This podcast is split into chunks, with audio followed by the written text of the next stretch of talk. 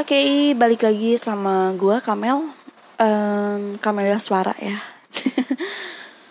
Di sini gue mau cerita tentang part 2 lanjutan dari episode sebelumnya. Dan hari ini gue bercerita di siang hari tepat pukul jam 11.43 siang. Oke, okay. uh, eh, lanjutan dari kisah teror yang mungkin ada sangkut pautnya dengan pamali ngelihat orang yang udah meninggal dimandiin gitu. Jadi uh, untuk yang belum dengar podcast saya yang sebelumnya ya dengar dulu biar nyambung biar tahu gimana alurnya. Oke gue langsung aja cerita. Di sini gue mau kasih tahu bahwa rumah yang sebelumnya jadi TKP dari teror-teror yang gue alamin itu udah udah digusur ya. Kayak udah udah nggak ada gitu. Tapi untuk tanah dan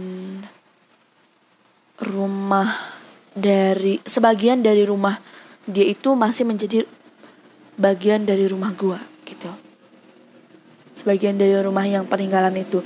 Jadi hanya mungkin satu per empat dari rumah itu udah dihilangkan kayak gitu.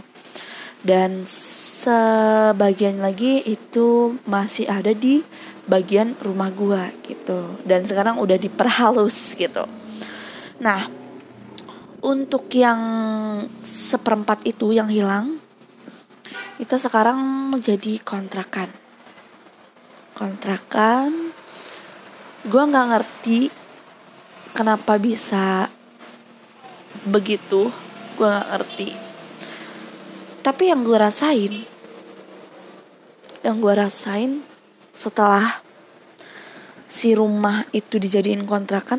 Nah ini untuk posisi kontrakannya gue kasih tahu dulu layoutnya sebelum gue bercerita gabungan antara rumah yang peninggalan itu dengan rumah yang gue bilang uh, bekas dari rumah yang kejadian si kakak dari nenek gue itu meninggal gitu. Itu digabungkan dan jadi satu tanah yang dibangun satu kontrakan gitu oke gue udah cerita tentang layoutnya sekarang gue mau cerita tentang kejadian apa aja yang terjadi setelah dibangun jadi kontrakan. Nah, yang pertama kejadian yang gue alamin ini bukan gue aja sih yang alamin. Ini termasuk mamski gue, gue nyebutnya mamski, ibu ya. Terus adik gue sama gue pribadi. Dan ini kejadian sebelum kontrakan itu tuh dihuni. Jadi belum launching lah istilahnya kayak gitu. Baru didoain aja baru diselamatin. Nah karena posisi rumah gue kan sebelahan dengan kontrakan itu. Dan emang lokasi kontrakannya pun pinggir jalan yang logikanya jauh dari kesan-kesan angker ya kayak gitu jauh. Tapi ini enggak. Gue nggak ngerti lagi sih.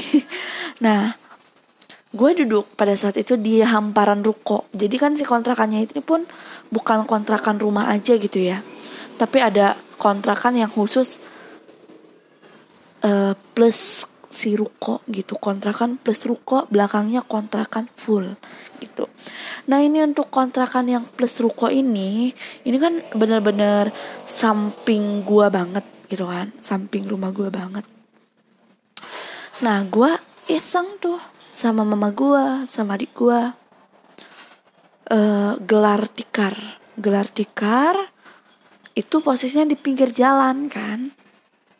Nah gue pada saat itu melantunkan salawat melantunkan salawat salawat apa ya? Itu waktu itu gue lupa. Oh ini sifat 20 nabi. Eh sifat 20 nabi. Sifat 20 Allah yang wajib kidembako kayak gitu kayak gue ulang-ulang ulang-ulang. Tiba jadi hening jadi kaget. Ya kalau misalnya dibilang halusinasi ya kenapa mama dan adik gue juga ikut dengar gitu. Ini ini semuanya dengar. Ini tiga orang ini gue mama gue dan adik gue dengar. Ketika gue melantunkan sama-sama itu sholawat ada seseorang yang nangis itu benar-benar jelas banget. Entah kayak suara nangis yang merintih kesakitan kayak gitu. Merintih kesakitan itu suara sumber suaranya itu ada di atas di atas kontrakan karena ada dua lantai kan. Kalau bisa gue contohin nangisnya tuh kayak gini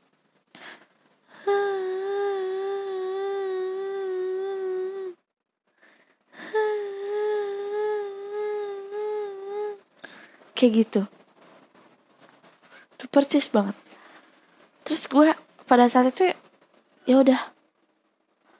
Kaget bukan main terus mama gue juga kaget juga. Kayak tiba-tiba hening hening terus datanglah teman dari bapak gue namanya uh, Pak H gitu ya. Gue nggak bisa sebut namanya Pak H gitu. Bukan paha ya paha. Apa sih? Udah pokoknya kayak gitu aja. Nah gue ceritain apa yang barusan terjadi sebelum dia datang. Nah karena dia nggak percaya karena dia nggak percaya tapi dia juga takut. Nah akhirnya dia dia nantang dia nantang gini ya udah ayo kita datengin ke atas datengin ke atas sama mama gue bawa senter karena pada saat itu belum ada lampu ya. Lampu di atasnya itu belum pada nyala. Belum diisi token kan masih baru. Nah ke atas nggak ada apa-apa. Nggak ada orang. Ya karena emang belum ada isinya kan. Nah ya udah. Terus uh, beberapa bulan setelah kejadian kontrakan itu mulai rame. Diisi sama tentara-tentara kayak gitu. Terus uh, ada satu orang tentara yang bisa dibilang kata dia tuh punya apa kelebihan bisa lebih sensitif untuk hal-hal kayak gituan.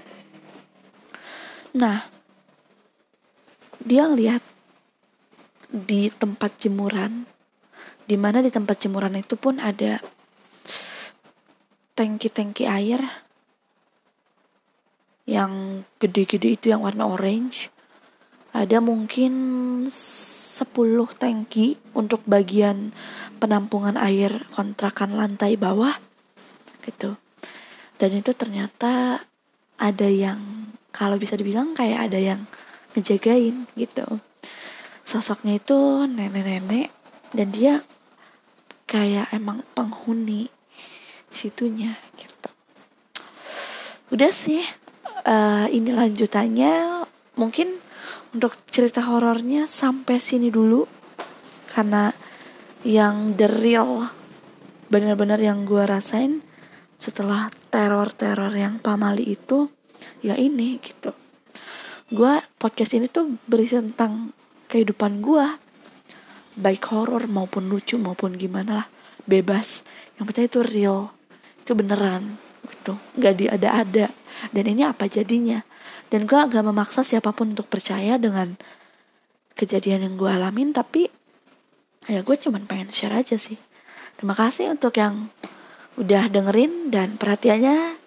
Salam go green. Bye bye